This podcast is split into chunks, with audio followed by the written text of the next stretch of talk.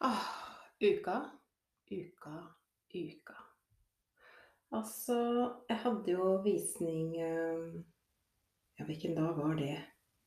Nå må jeg tenke, du. Samme det. Det var sist uke iallfall. Jeg lurer på om det var onsdag. Um, og jeg skjønner jo at i mitt hode så går disse tingene som jeg egentlig pleier å sjekke, litt i glemmeboka. Fordi det var jo fullmåne 18. mars.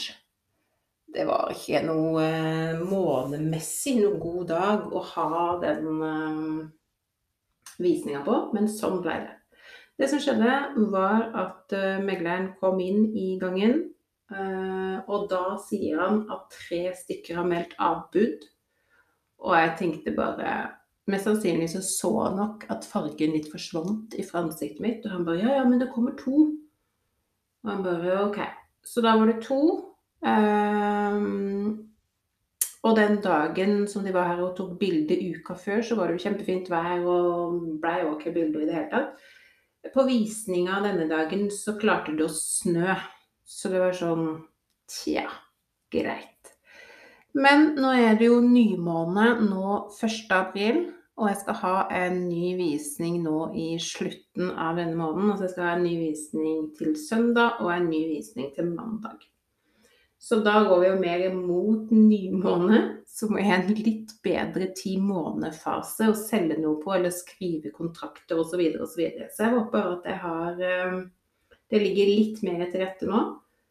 For jeg skjønner jo at det ikke er vanlig sikkert å selge på første, men i mitt hode så var det liksom Hæ, kan det være så jævelsk vanskelig? Selv om jeg har gått gjennom en prosess med å selge et gammelt hus som måtte på TV og i det hele tatt for å liksom få solgt nesten skremme eksmannen at vi aldri kom til å si hei til hverandre før han kjøpte meg ut og sånn. så jeg vet hvilket uh, strev dette her kan være, da. Så jeg hadde liksom tenkt at uh, nei, kan vi ikke bare ta en walk in the park? Men det var det altså ikke. Og jeg gikk liksom litt i kjelleren, kjente jeg. Og det er jo bare tullete. For det er jo ikke sånn at jeg må selge dette huset. Jeg kan fint sitte med det, men, uh, men det gjorde jeg altså. Men man er jo eh, Man er ikke dritten som gir seg. Så det er bare å hoppe opp på hesten igjen og ri inn i en ny visningsperiode og gnikke, gnikke, gnikke, gnikke, gnikke hus. Oh yeah!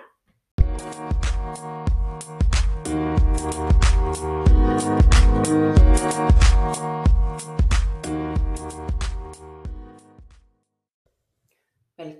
til Josefa-yoga fra sjel til sjel.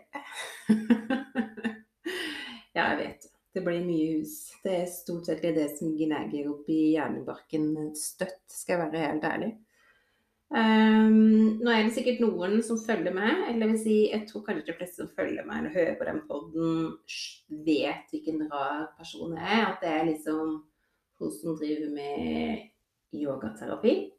Og hun som er ganske alternativ oppi knotten sin og har sånn kunstnerhue. Men jeg syns fortsatt at hvis du brekker handa di eller beinet ditt, da ville jeg gått til nærmeste sykehus og skadestue enn til en healy. Så jeg mener fint at det går an å ha prøve og ha en balanse også på dette punktet.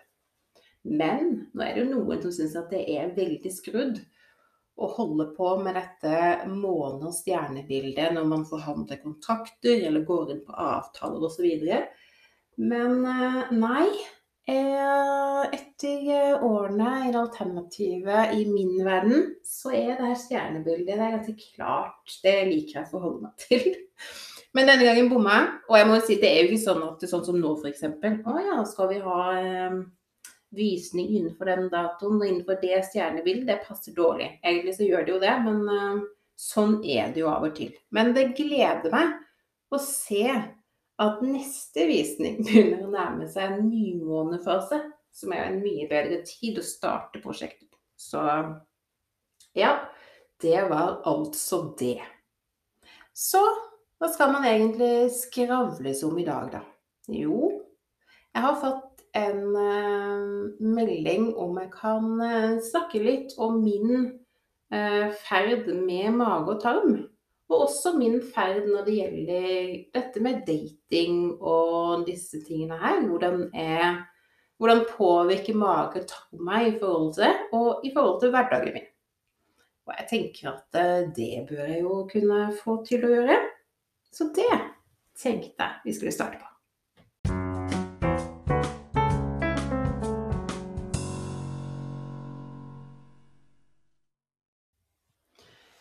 Begynte jo min ferd med mage og tarm da jeg var ganske ung. Mellom 12 og 14 var det første gang jeg ble innlagt uh, for smerter. Jeg kunne jo som sagt gå opp til over 14 dager før ting eh, Det skjedde ingenting for meg. Det var ikke noe funksjon i min tarmperistalstikker, tydeligvis. Uh, og jeg tror jeg har prøvd det meste av oljer, pulver osv. osv. for å prøve å tømme tarmen. Ehm, jeg tror den verste opplevelsen, en sånn undersøkelsen jeg hadde, var på Rikshospitalet. Det var i 2008, tror jeg. Ehm, da hadde de funnet ut at tarmen min gikk for fort i den ene lengden på tykktarm.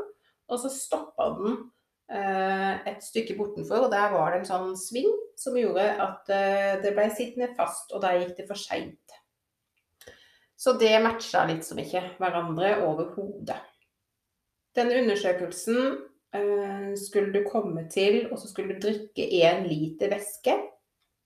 Og det smaker, for å være helt ærlig, høgg.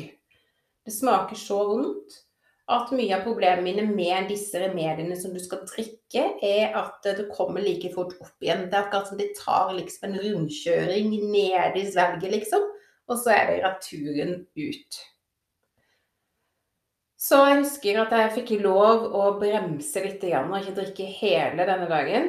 Og så ble jeg da vist inn i et sånt stort, åpent rom. Og i dette rommet så var det liksom det var, Alt var jo helt hvitt, veldig sykehusaktig. Og det var en do som var plassert midt i rommet. Så var det liksom glass. Og så var det to leger som sto bak dette glasset. Uh, og oppi denne, dette toalettet da, så var det jo da um, filmkamera og sånne ting. Så du skulle altså sitte på den doen, og så skulle du da altså få beskjed om når du skulle presse, og når du skulle holde igjen, osv., osv. Så, videre, så skulle de da se på denne monitorgreia si. Altså, ja. Jeg har gjort den undersøkelsen én gang, og for å være helt ærlig håper det blir med den gangen. For det var eh, ja, som sagt en av de verste undersøkelsene jeg har hatt, fordi du følte deg jo helt bløttlagt for alt. Uh, og det er ganske tabu med mage-tarm i seg selv um, for veldig mange. Og så skal du i tillegg gjøre en sånn undersøkelse. Det, det var ikke superlett. Men den blei tatt. Og man fant ut en del sånne videre ting. Så jeg klarte jo å liksom surfe meg gjennom ungdomstid med denne sabelig trege tarmen og en mage som eh, sjelden ville tømme seg. Det gjorde jo også at du fikk en sånn skjevfordeling på matinntak. Fordi jeg så jo ut som jeg ofte var flere måneder på vei. Fordi det gjør man jo når man ikke får tømt tarmen, når man går ukevis uten å gå på toalettet.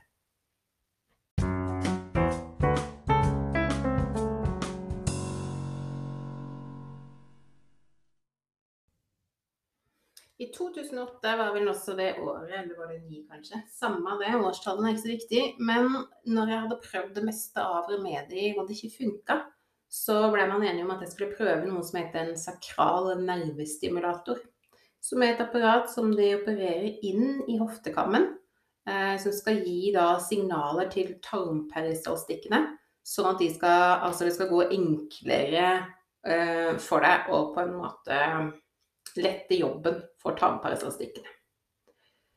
Jeg hadde det apparatet inni meg i ti år og bytta vel elektroder på den tre-fire ganger. For det er elektroder som går fra hoftekammen, og så går de ned eh, til at de på en måte får kontakt, sånn at de får hjulpet tarmparasitikkene dine. Så du får komme deg lettere på toalettet. I starten for min del så hjalp jo dette apparatet ganske greit. Eh, etter hvert som tiden gikk, så sleit jeg dessverre med at um, På den tiden så trente jeg mye hata-yoga, og jeg trente nok ganske heftig, spesielt den tida jeg var i India. Så jeg klarte faktisk ved to anledninger å dra ut elektrodene fordi at jeg mest sannsynligvis har lagt i en eller annen ja, ja, øvelse i yogaen som rett og slett har gjort at elektrodene har hoppa ut. Og da har de jo ingen funksjon og hjelper heller ikke tarmparasittstikkere. Så jeg måtte inn og bytte litt flere ganger enn jeg egentlig hadde trengt. Og det gjorde jo at dette apparatet ikke var så veldig gunstig for meg etter hvert. Og for meg så avtok også virkningen. Så øh, på denne tiden her så var jeg jo gift og var jo i et forhold i det hele tatt. Så var jeg sikkert i et forhold da jeg var gift. Herregud, så god jeg er på å prate. Jeg prater og dere stokker, det er min pod, og sånn blir det. Ja, nei, men da tar vi en pause, da. Skal det være sånn? Ja, ta en pause, du.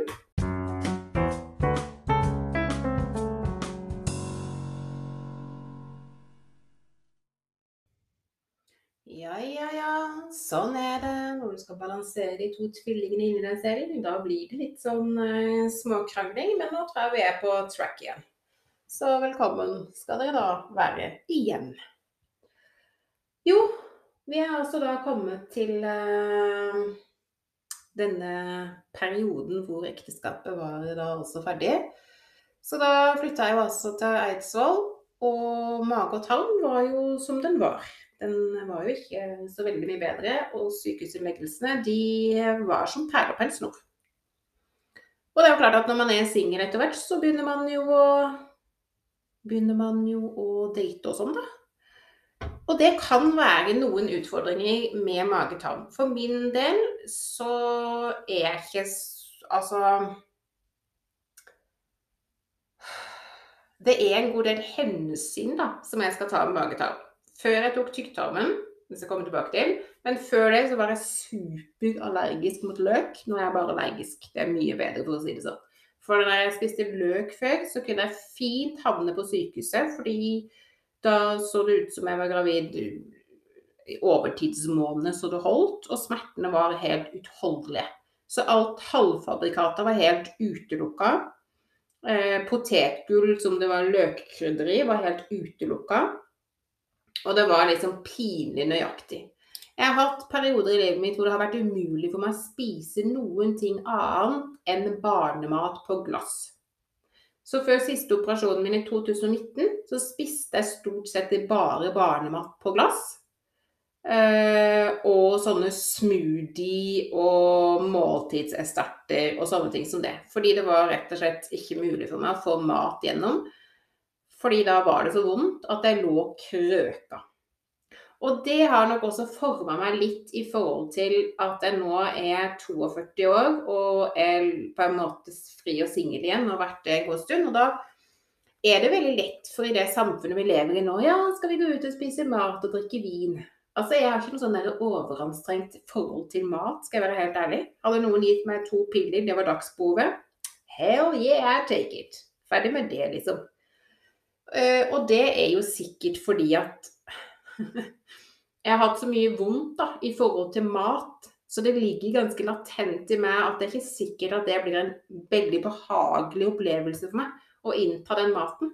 Og da blir heller ikke den gleden av mat så søkkende stor som det blir for visse andre, har jeg skjønt. Uh, og jeg får ganske vondt i magen av alkohol, så jeg er jo mer eller mindre ganske alkoholfri store deler av året.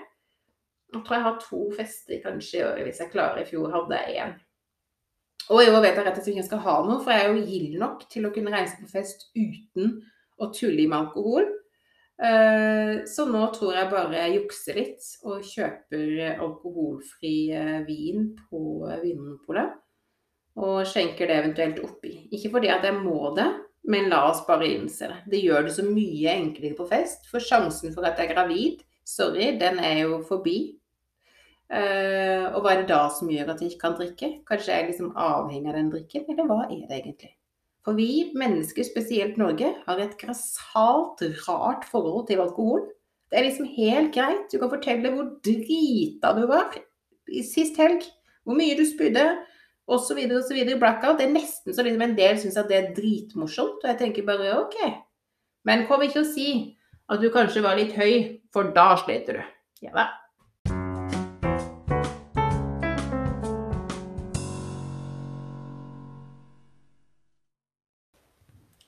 det med spising og mat og drikke og sånn, det kjenner jeg nok litt på i den alderen som jeg er i nå, sånn datingmessig. For det er veldig Jeg er jo ikke en dame du ber på pikniktur i parken på sommeren, f.eks. For, eksempel, for det må være toalett i nærheten. Uh, og jeg har jo dager hvor uh, jeg ikke klarer å spise ferdig middagen min før jeg må løpe på do. Altså, det går jo uhyrlig kvikt uh, gjennom systemet uten tykk må jeg si. Um, og det har jo selvfølgelig hjulpet seg nå, så nå er det jo liksom Jeg har jo hatt det her siden 2019, vært uten tykktarm. I starten så var det jo uh, var det omtrent jeg kunne sitte på do og spise, for alt gikk rett igjennom. Så det er klart at noe bedre hadde blitt, men det går veldig fort. Så et helt måltid uh, med middagen er det ikke alt jeg klarer. Og så er det jo visse ting jeg ikke kan spise for at jeg skal ha det best mulig. Jeg spiser eh, rent kjøtt, altså hvitt kjøtt, som kylling og kalkun. Eh, alt annet kjøtt holder jeg meg unna. Rett og slett fordi at det er ikke så lett fordøyelig for min kropp og min mage. Og da har det vært bedre egentlig å bare holde seg unna. Og så har jeg jo den utfordringa med mage og tarm som jeg vet at en del andre har. Um, det må planlegges. Sånn som i dag har jeg vært hos negledesigneren og hadde time der klokka tolv. Så jeg spiste frokosten min, eh, havregrøten min, litt over ni. Og så må jeg gå da til bussen. Da tok jeg bussen ti på elleve. Og da sto jeg liksom og tenkte skal jeg liksom spise når jeg var ferdig hos negledama, eller liksom gå rett hjem og spise? For skal jeg spise på senteret da, så må jeg jo spise, vente til jeg på en måte skal på toalettet. Og noen ganger går det tvers igjennom, andre ganger venter vente litt. Uh, og da visste jeg liksom ikke når jeg kom hjem. Så for å slippe det å bruke så lang tid der, så tok jeg faktisk bussen rett hjem, og så spiste, gikk jeg da rett til middag. Det er jo ikke en sånn veldig heldig situasjon, for da har jeg jo i bunn og grunn egentlig hoppa over lunsjen. Men det er jo bare ting jeg gjør når jeg skal noen ting. Uh, ellers når jeg er hjemme, så spiser jeg etter klokka. Så jeg teller timer, så jeg vet når jeg skal spise maten min. Hvorfor det?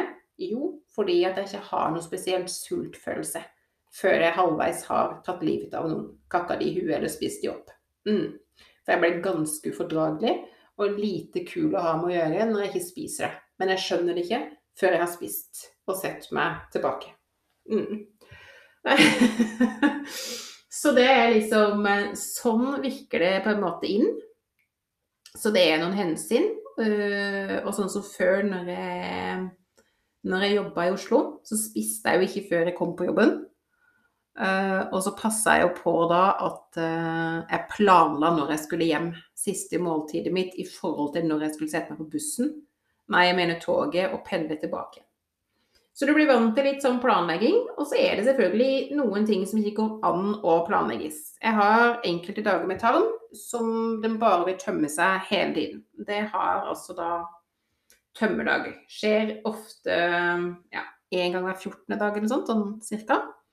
Og da er du så god venn med Porsgrunn porselen, iallfall tror den det, at du, dere har et eh, tett forhold den dagen, for å si det sånn. Og da er det jo ikke vits å planlegge noe som helst.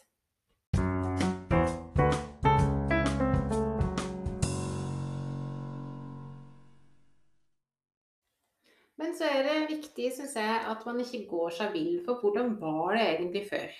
Jo, for meg før så var det opptil ni sykehusinnleggelser i året. Det var jo på det meste, men la oss si at jeg hadde fire-fem sykehusinnleggelser i året, da. Likevel er det ganske mye, spør du meg.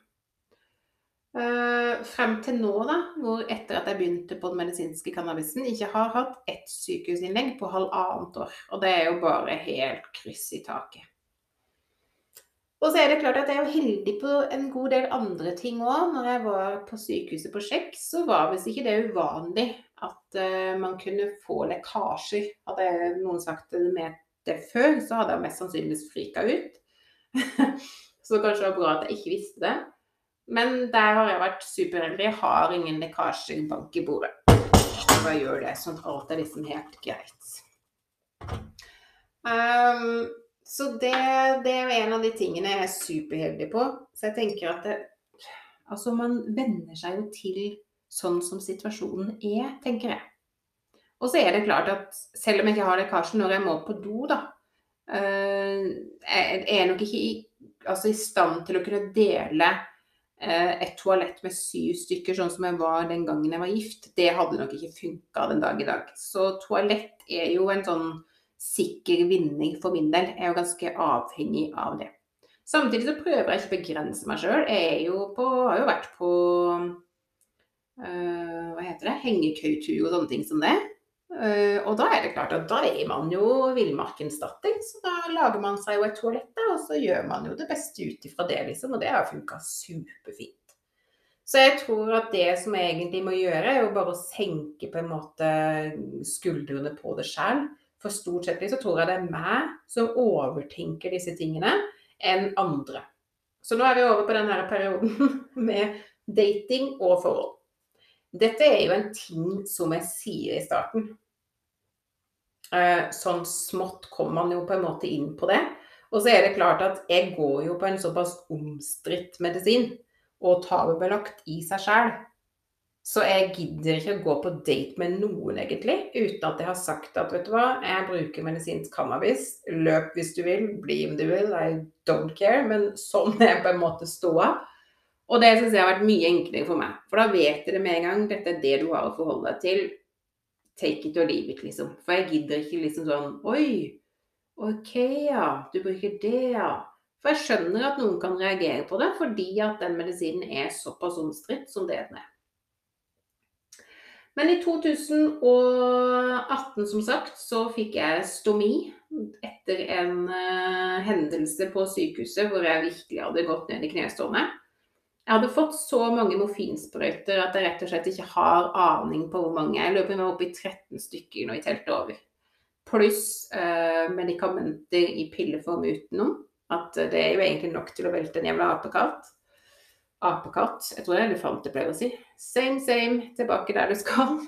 Fader, nå kommer jeg ut av det. Kunstnerue, kunstnerue.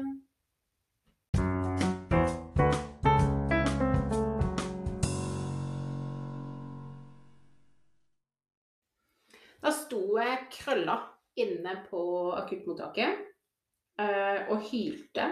Og da husker jeg det kom en sykepleier til meg som sa at vi er, de er nødt til å fikse det her på en eller annen måte. Du kan jo ikke ha det sånn som det her lenger. Og i det sekundet hun sa det, og jeg liksom fikk tenkt litt på det, så tenkte jeg bare, vet du hva, det har du så forbanna rett i. Dette her, dette funker bare ikke mer. Så når legen kom inn til meg da, så sa jeg jeg orker ikke det her mer. Du må rett og slett koble fra og gi meg stomi. Da kikka han veldig på meg og liksom Er du sikker på det, Jeanette? Du klar for det? Jeg bare Jeg orker ikke mer. Og jeg var jo overhodet ikke klar for det, men det er noe med det at når du eh, Skal jeg si Når du står med haka i drit, da, så henger du ikke med huet, liksom. Du bare ser frem. Og for meg så var det bare Å få stomi er liksom bedre enn den greiene her. Og det ble bestemt at jeg skulle.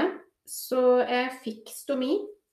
Og jeg må si at så bra måneder som jeg hadde med den stomien, og den hadde jeg i fire måneder, det hadde jeg jo ikke hatt siden jeg var 12-13 år. Jeg var mer eller mindre øh, smertefri. Og det funka veldig bra for meg, både med stell og i det hele tatt. Da jeg var på jobben og ting var på en måte greit. Men så ringte legen meg etter fire måneder, og da sier han at nå skal vi operere tilbake igjen Jeanette, før du skal reise til Thailand. Det var jeg jo veldig skeptisk for, for jeg hadde egentlig beredt opp i hodet mitt at jeg skulle reise til Thailand med eh, stomi og alt stomiutstyr. Men som kirurgen sa til meg, sånn at det er mye å dra på. Han har et poeng. Det er varmt i Thailand, og i det hele tatt eh, Må du, så gjør du det selvfølgelig. Men hvis du kan slippe, så ville jeg gjort det sånn. Og jeg kan love deg, jeg skal gjøre deg klar til Thailand.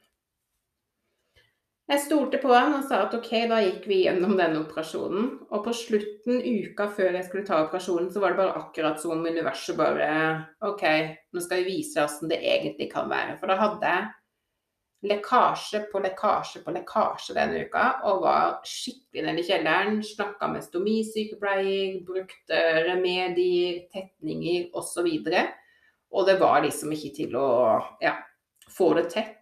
Mest sannsynlig så begynte det å nærme seg så nærme operasjonsdato at det er mulig at jeg begynte å bli nervøs. Og det var med på liksom ja, fucke opp uh, greiene, da. Så da begynte jeg å bli ganske klar for den operasjonen. Så da, i 2019, da, så opererte de vekk tykktarm. Um, så da er det jo Har jeg tynntarm, og så har jeg ca. 10 cm igjen av tykktarm, og så er det liksom rett ut i periferien. Så det sier jo at da går det litt ekstra rett ut. Og så er det klart at jeg, altså det er noen matvarer som gjør det liksom verre enn andre. Spiser raffinert sukker, sånn som godis. mm, godis, ja. Det er et av mine guilty pleasure. Jeg bare er veldig svak for det. Veldig svak for raffinert sukker. Så igjen, da, så er det finn en feil. Rappkjefta yogaterapeuten. Utrolig svak for raffinert sukker. Mm. Ja, så sånn er det. Og det er jo ingenting som gjør magen min stort sett litt verre enn raffinert sukker. Da kan man egentlig bare nesten sitte på do. Så um, ja. Jeg må jo bare holde meg unna i gode perioder. Og raffinert sukker det holder meg jo i hvert fall langt unna når jeg skal på date, for å si det sånn.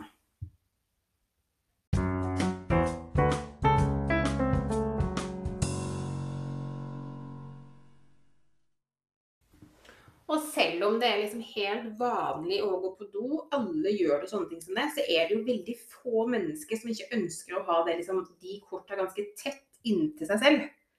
Eh, og jeg har aldri vært den type jente som liksom ja, har vært sånn veldig superåpen på det. Jeg kommer ikke til å bli hun kjæresten som kan uh, dele baderom mens han går på toalettet sammen. Sorry, jeg er ikke hun. Uh, og en av tingene som jeg ser kanskje er det som skaper mest kluss oppi hodet mitt, som mentalt gjør det veldig vanskelig for meg, det er hvis doen er forbanna teit plassert, som jeg vil si. Og så kan du jo spørre hva er teit plassert. Hold on, hold your horses, I will tell you. Jo, det er det der hvis noen har toalettet ved siden av kjøkkenet. Altså, kom igjen, da! Det går ikke an. Jeg beklager å måtte si det. Altså om det er arkitekter eller en nisse som Jeg aner ikke. Men det er teit. Så det liker jeg ikke. Uh, og det gjør det jo sånn å reise liksom første gang på hotell med noen du liksom ikke kjenner og sånn, det syns jeg heller ikke er sånn superartig. For der er jo på en måte der er jo toalett omtrent i hotellsenga, ikke sant. Det er sånne tynne pappet-pappet-vegger, og gjerne litt sånn glipe under, eh, under dørlista. Hva er vitsen med det? Hæ? Sånt liker jeg heller ikke. Heldigvis har kjøpesentrene nå begynt å skjønne det. Vi bygger mur helt opp, vi tetter døra, vi gjør det så comfy som mulig. Jepp. Og så kan man tenke ja, men kan det være så ille? Yes, så ille kan det være. Fordi du skjønner at du har litt med hvilke matvarer du spiser når du mangler en hel tarm. Det bråker litt mer, skal jeg være helt ærlig, hvis vi virkelig liksom skal inn på dette her nå. Og det er jo ikke noe du har lyst til at andre liksom skal ta del i. Og i hvert fall ikke i starten av en datingperiode, ikke sant? Så det Åh, det syns jeg er helt pyton. Så, men jeg har jo vært på dating, og det har jo funka. Og når jeg fikk denne uh, stomien, så var jeg altså i et brudd. Kan du tenke deg noe så stusslig? Komme hjem med pose på magen, og det var min Fido. Så det var jeg og Fido, da. Som var alone. Og alle som kjenner meg, vet jo at jeg har en ganske sensuell uh, stil å kle meg på innimellom. Jeg kan kle meg akkurat som jeg vil, og det blir jo sånn, må gå som det går, det.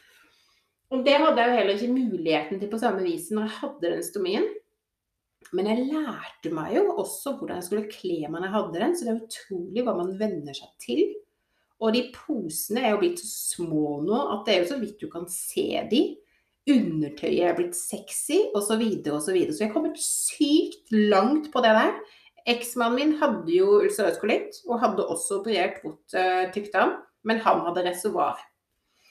Um, og jeg husker jo Han var jo også supermange ganger på do og sånne ting som det, men når han hadde stomi, da, før han opererte bort, så var jo dette Det var jo bæreposer omtrent han bar på magen, ikke sant.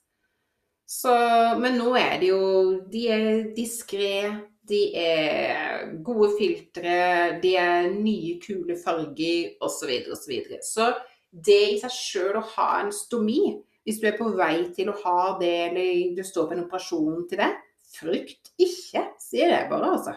Fordi det er så mange kule produkter de har nå i forhold til hva de hadde for mange år siden, som eksmannen min forklarte meg.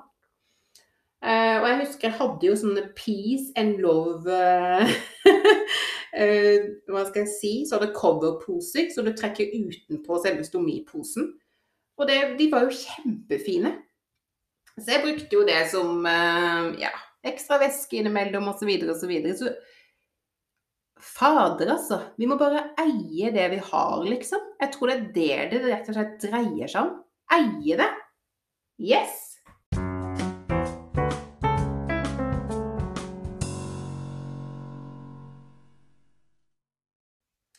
Men jeg altså her i huset, da. Singel og med Fido. Og det var jo ikke fritt for at jeg sunn Inni mitt hode tenkte jeg skal aldri date igjen. Jeg kommer aldri til å tørre det, liksom. Og så en eh, dag, da, eller kveld som jeg satt hjemme, så tenkte jeg at nå skal jeg fanke meg opp på den hesten. Det her skal ikke jeg utsette meg sjøl på. Så vet du hva, jeg reiste rett og slett på hyttetur på en date med en som eh, jeg hadde liksom sett noen ganger, da. Så vi reiste på hyttetur. Og det tror jeg må være noe av det lureste jeg har gjort. Og der eh, drakk vi oss ganske gode og fulle. Det var jo også en god pådriver. Det er ikke så mange unge lyttere til denne poden, så jeg sier det som det er. Jeg ser aldersgren.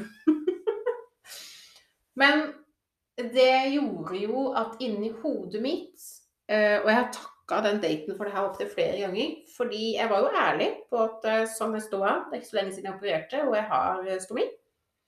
Og han var veldig sånn fin på det, altså. Fordi jeg klarte jo da selvfølgelig å kløne det til. Dette var ganske raskt i prosessen. Og jeg har jo en sånn greie med at mentalt skal jeg utfordre meg, og det var jo en mental utfordring. Det her skjedde jo da på vinterstid, så jeg kjørte jo eh, hva var det, fem timer for å komme meg på den hytta. og det var veldig koselig. Vi satt den dagen og bare skravla og hadde det veldig gildt. Neste dag skulle vi ut på byen. Eh, og taxien var bestilt og skulle komme og hente oss osv. Og, og så eh, klipper jeg til stomien og plasserer den over eh, stomien, og alt var greit og sånne ting som det. Kledd med fine klær, ny bluse, ready to go. Yes da. Så når jeg kommer ut fra badet, så kjenner jeg et gnag på sida. Og jeg vet at det gnaget der, det kan du ikke gå med. For jo mer du har klippa altså stomiåpningen for liten, så veggene på selve posen sitter og gnir inntil eh, stomien, som selvfølgelig blir vondt. Jeg begynte å svette, og jeg begynte å stresse, og i det hele tatt. Og hvor jeg bare hører da fra stua Vet du hva, det her er ingen problem. Vi kan bare avlyse den taxien. Vi kan være hjemme hvis du vil. Det viktigste er at vi har det gøy sammen, og det spiller ingen rolle. Og for en fantastisk måte å møte noen som er liksom litt sånn nervøs og ikke har det liksom helt sånn OK med det. Det var supergodt. Men jeg klarte jo å komme meg ut. Det var bare å få klippa den posen en gang til. Det er noe med det der fake it you make it, altså kom deg opp på den forbanna hesten igjen, liksom. Og kom oss ut. Eh, og skulle til å sette oss ved middagsbordet. Og så kjenner jeg at oi, nå er posen ganske full, jeg må nødt til å bytte på den først. Så jeg går og tisser og skal liksom hive ut posen i, som jeg har gjort i toalettet tusen ganger, og alt er liksom i orden og sånne ting som det, og bare er jo da klønask klønus. Og klarer altså da å helle en del av den posen ut over det antrekket jeg står på, og står da nede på en restaurant på badet og tenker hva i helskvetten gjør jeg nå?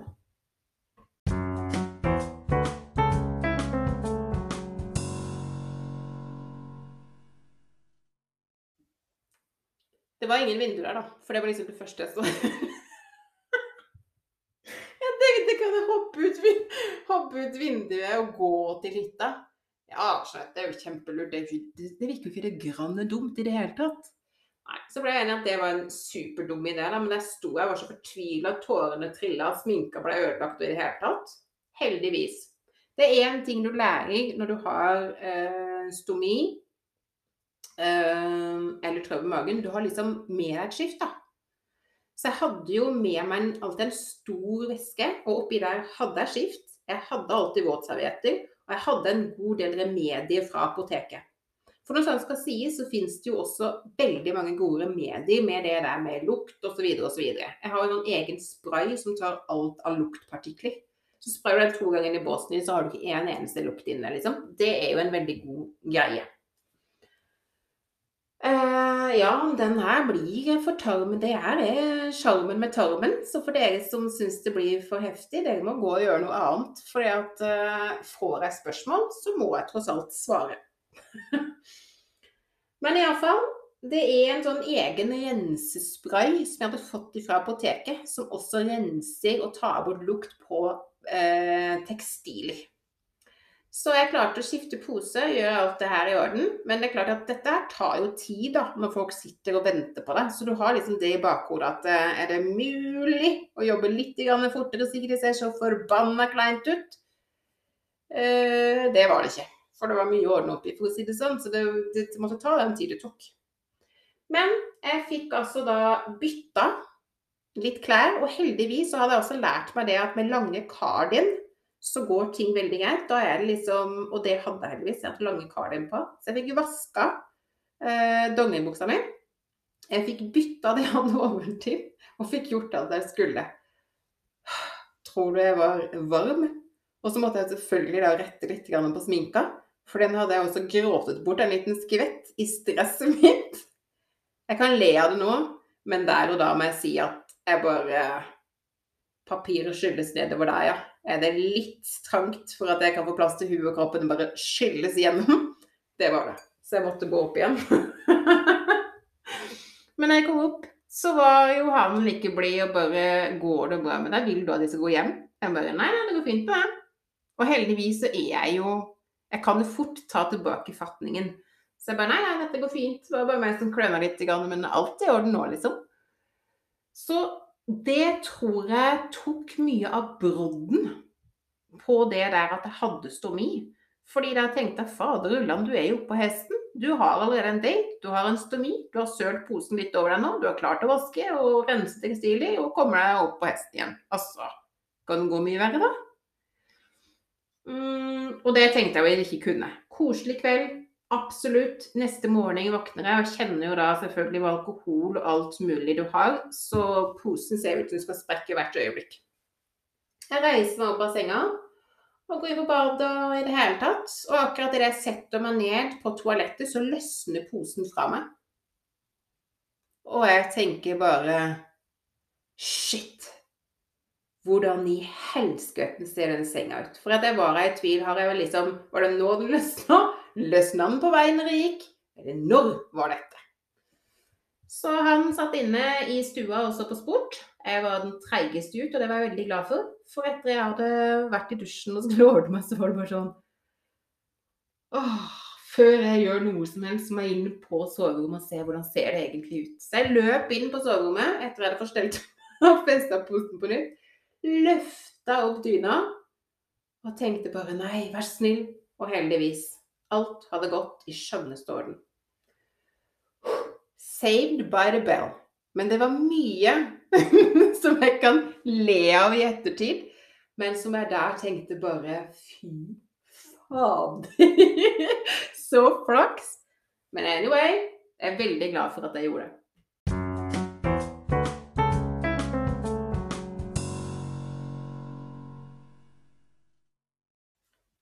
Kjære slett, ikke det her sånne historier du kan holde munn om. Jo, det er det sikkert, men herregud, hva gøy hadde det gjort, liksom. Jeg er jo for at eh, vi deler, da. Jeg er jo for at ikke det skal sitte en nå hjemme i stua si og tenke at eh, vet du hva, nå er det ikke noe mer, liksom. Eller nå kan jeg ikke date noe mer, eller det er ikke noe sexy noe mer, eller nå må jeg gjøre sånn eller sånn, eller Nei. Det må du ikke, altså.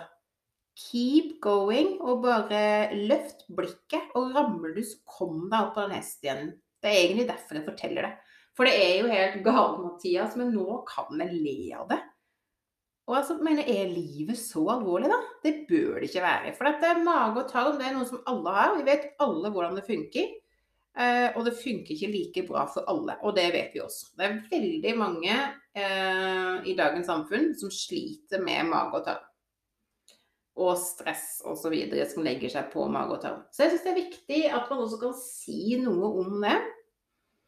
Det som jeg gjør nå, da, hvis jeg skal møte noen nå, så er jeg ganske klar på det før jeg møter dem, at uh, jeg har ikke tykktarm, og det går ganske fort gjennom systemet. Jeg skulle ha vært med en mann nå på hotell som jeg kanskje hadde liksom mm, Ikke helt sånn godt kjent. Er det liksom kjæresten din, så bør du kjenne han så godt at du liksom kan gå på do mens det er på hotell, liksom. Men jeg hadde en sånn god greie på at jeg har jeg vært på hotell med liksom en fast partner, så er lyden veldig høyt på TV. det, er liksom en, det er liksom en avtale. Kontraktfesta avtale jeg har. Um, og skulle jeg reist på tur med noen som jeg kanskje tenkte at mm, ikke helt kjæreste ennå, kanskje litt sånn utrygt og litt sånn skummelt og i det hele tatt, da, hadde, da, er jeg jo klar på at jeg ikke har tykktarm. Når jeg skal på do, da må du gå ut av eh, hotellrommet. Eller så må jeg benytte meg liksom av de doene som er nede i resepsjonområdet, f.eks. Eller sånt. Så det har jeg iallfall alltid funnet på en måte ut av. Eh, og alltid vært ærlig om de tinga. Og når folk ber meg ut, og de første gangene liksom bare Ja, du kan spise akkurat hva du vil, og kan uh, ha nydelige viner, osv. Så, er jeg ganske ærlig på det. Vet du hva, jeg er egentlig ikke så super. Jeg spiser som en mus. Jeg liker god mat. Uh, men jeg skjønner jo at det er litt sånn der uh, kjipt for andre å lage god mat til meg, for at jeg spiser jo ganske lite, skal jeg være helt ærlig. Uh, og jeg må ha den maten som gjør at magen min kan fungere. Men vinen, den må du nesten drikke for begge to. Altså. Så jeg drikker ikke vin lenger og får vondt i magen for at det liksom skal være så koselig å drikke vin sammen. For det vil jeg innrømme at det har jeg faktisk gjort. Liksom bare Jo, nå går det bra med et glass eller to. Men mm, jeg gidder ikke, altså. Det er liksom ikke Nei, det er ikke det. Men jeg elsker jo strawberry decory, da. Så når kom, sommeren kommer, så tar jeg meg gjerne en strawberry decory. Og det funker jo veldig greit på sommerstid, liksom. Så det er de eh, tror jeg Kanskje jeg har noen flere. Men det er liksom de som er de der eh, greiene mine, da. I forhold til mage og tarm og forhold. Det med maten. Eh, og det med toalettvanene. Og så tror jeg bare at skal du henge med meg, så må du være vant til at for det første så er jeg jo halvt neger som går etter sola. ikke sant? Er den gått ned, så er det et helskvetten. Da går jeg meg bort. Og tid, er, tid og sted er for meg noen rare greier. Jeg sier at jeg er klar, og så er jeg på vei ut døra, så er jeg plutselig på do igjen. Uh, og jeg tror jeg har fått en sånn greie Etter at jeg fikk kortere tarm, så har jeg fått en sånn greie oppi hodet mitt at jeg vil la meg bare gå og sjekke meg på do en ekstra gang, ikke sant? Mm. Så det må nok være en litt sånn tålmodig eh, fyr. Ja. Og det vil si at bilturer og sånne ting òg, da må man jo stoppe og gå inn og spise på en restaurant. Jeg kan jo ikke kafle i meg masse mat i bilen, fordi der er det jo ikke noe toalett. Uh, og hvis jeg kommer til en bensinstasjon, og det toalettet er veldig lang kø på, så kan jeg slite hvis jeg har uh, i meg en god del mat. Så der vil jeg gjerne høre dere er det toalett uh, ledig eller ikke. Og det er mye enklere når du sitter på en måte på en restaurant hvor det gjerne er flere toaletter osv. osv. Så, det er sånne ting jeg heller ikke gjør. Spiser ikke bil. Uh, da stopper jeg. Uh, så ja. Så jeg kommer kanskje ikke til å ha det der felles med en mann eller dame noen gang. Eh, hvor jeg har så veldig entusiasme for måltiden sånn sett, da. Men jeg liker jo å lage noe mat sammen. Å lage mat aleine kjenner jeg bare at jeg er ganske mett av. Men jeg er jo veldig Altså, jeg er veldig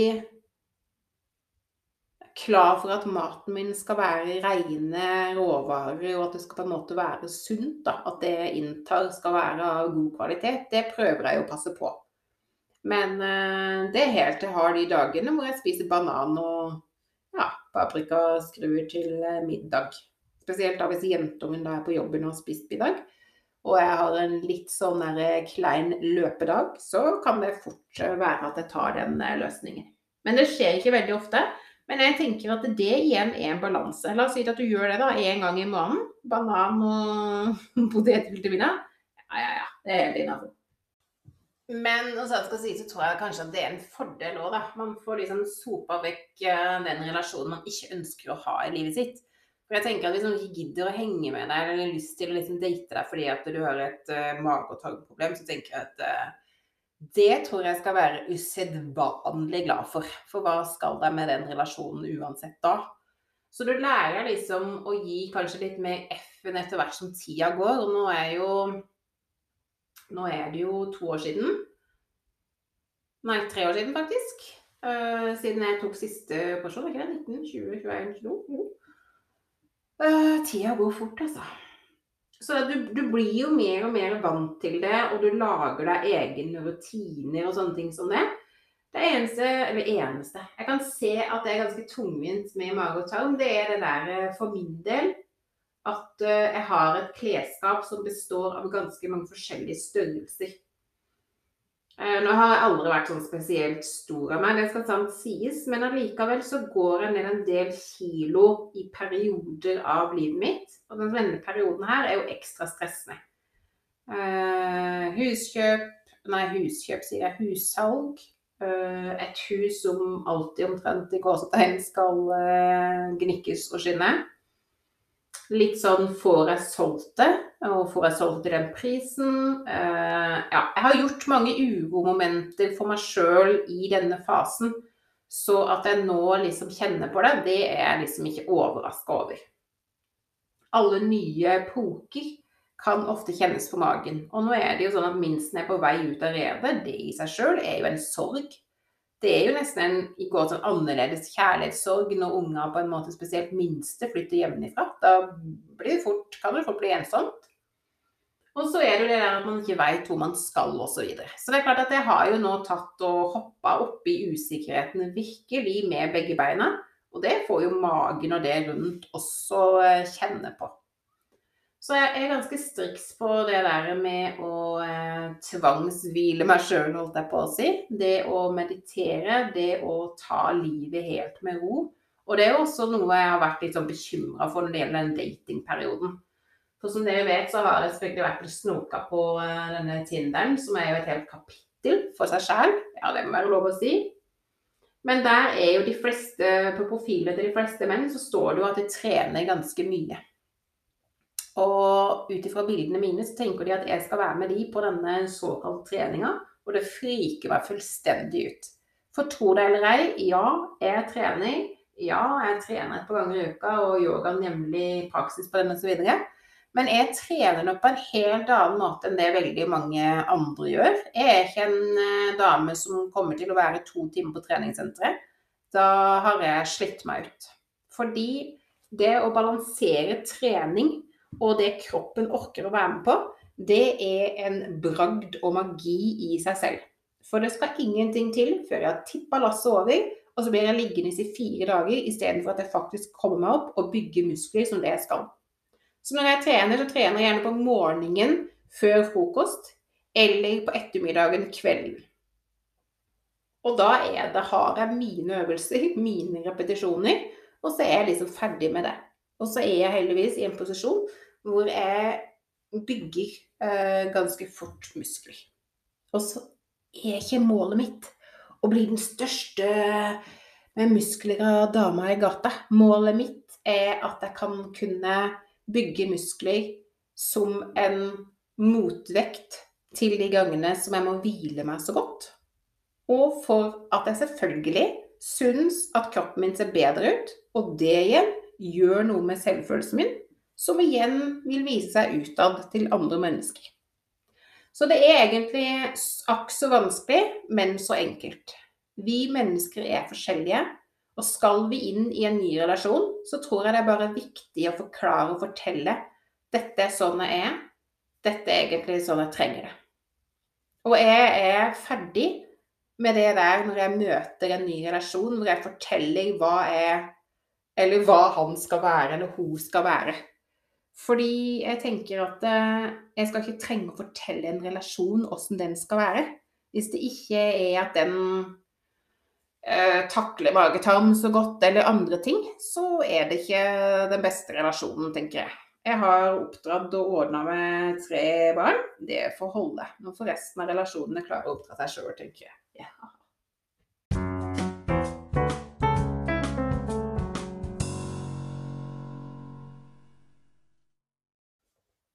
Velkommen til det alternative hjørnet.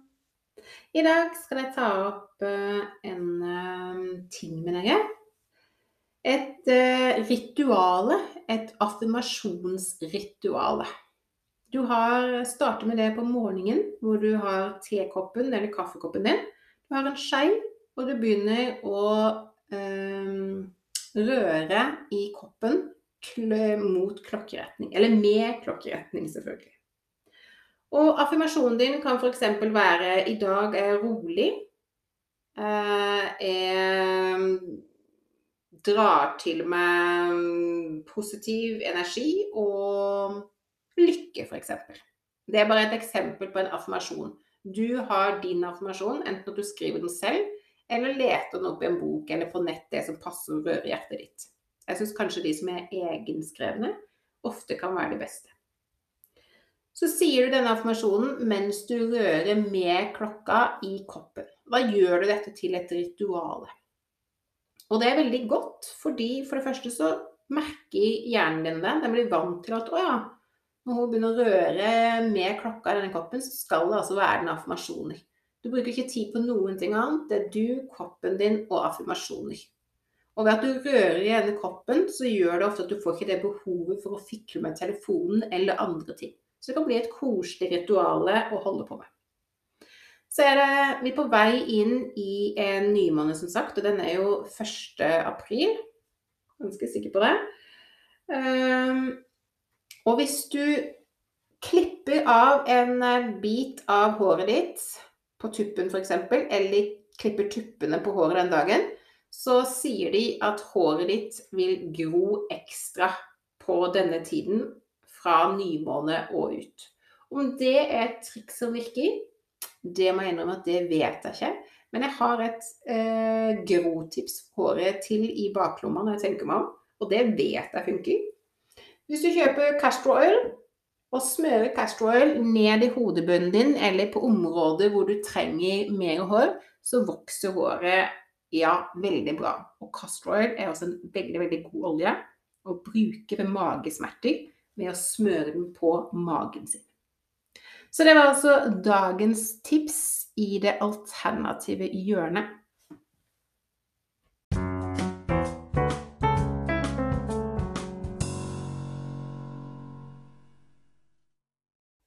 I dag har dere hørt om eh, tarmutfordringene mine. Dere har hørt litt om eh, hvordan jeg har eh, valgt å løse det som jeg har møtt på. Hvordan jeg har eh, gjort det under dating osv. I dag har jeg bjuda litt på meg sjøl. Men jeg tror det er ganske viktig hvis vi skal få åpenhet også om dette temaet. Når jeg starta eh, å prate om det med mage og tarm offentlig, så var jo det da jeg ble offentlig snapper på tarmbånden. Jeg har gått ut derfra nå. Men det var jo der jeg på en måte starta, og det tok vel kanskje vekk noe av det der med ja, fysj og i det hele tatt. Det blei ganske normalt. Og det, det, er jo en normal greie. Så vi trenger jo ikke egentlig å komplisere det. Gjør vi vel? Ah, det er masse annet som er kompliserende nok, så vi trenger ikke gjøre det på dette. Jeg ønsker dere en nydelig helg. God uke når den tid kommer. Så prates vi! Shalabais! Thank you.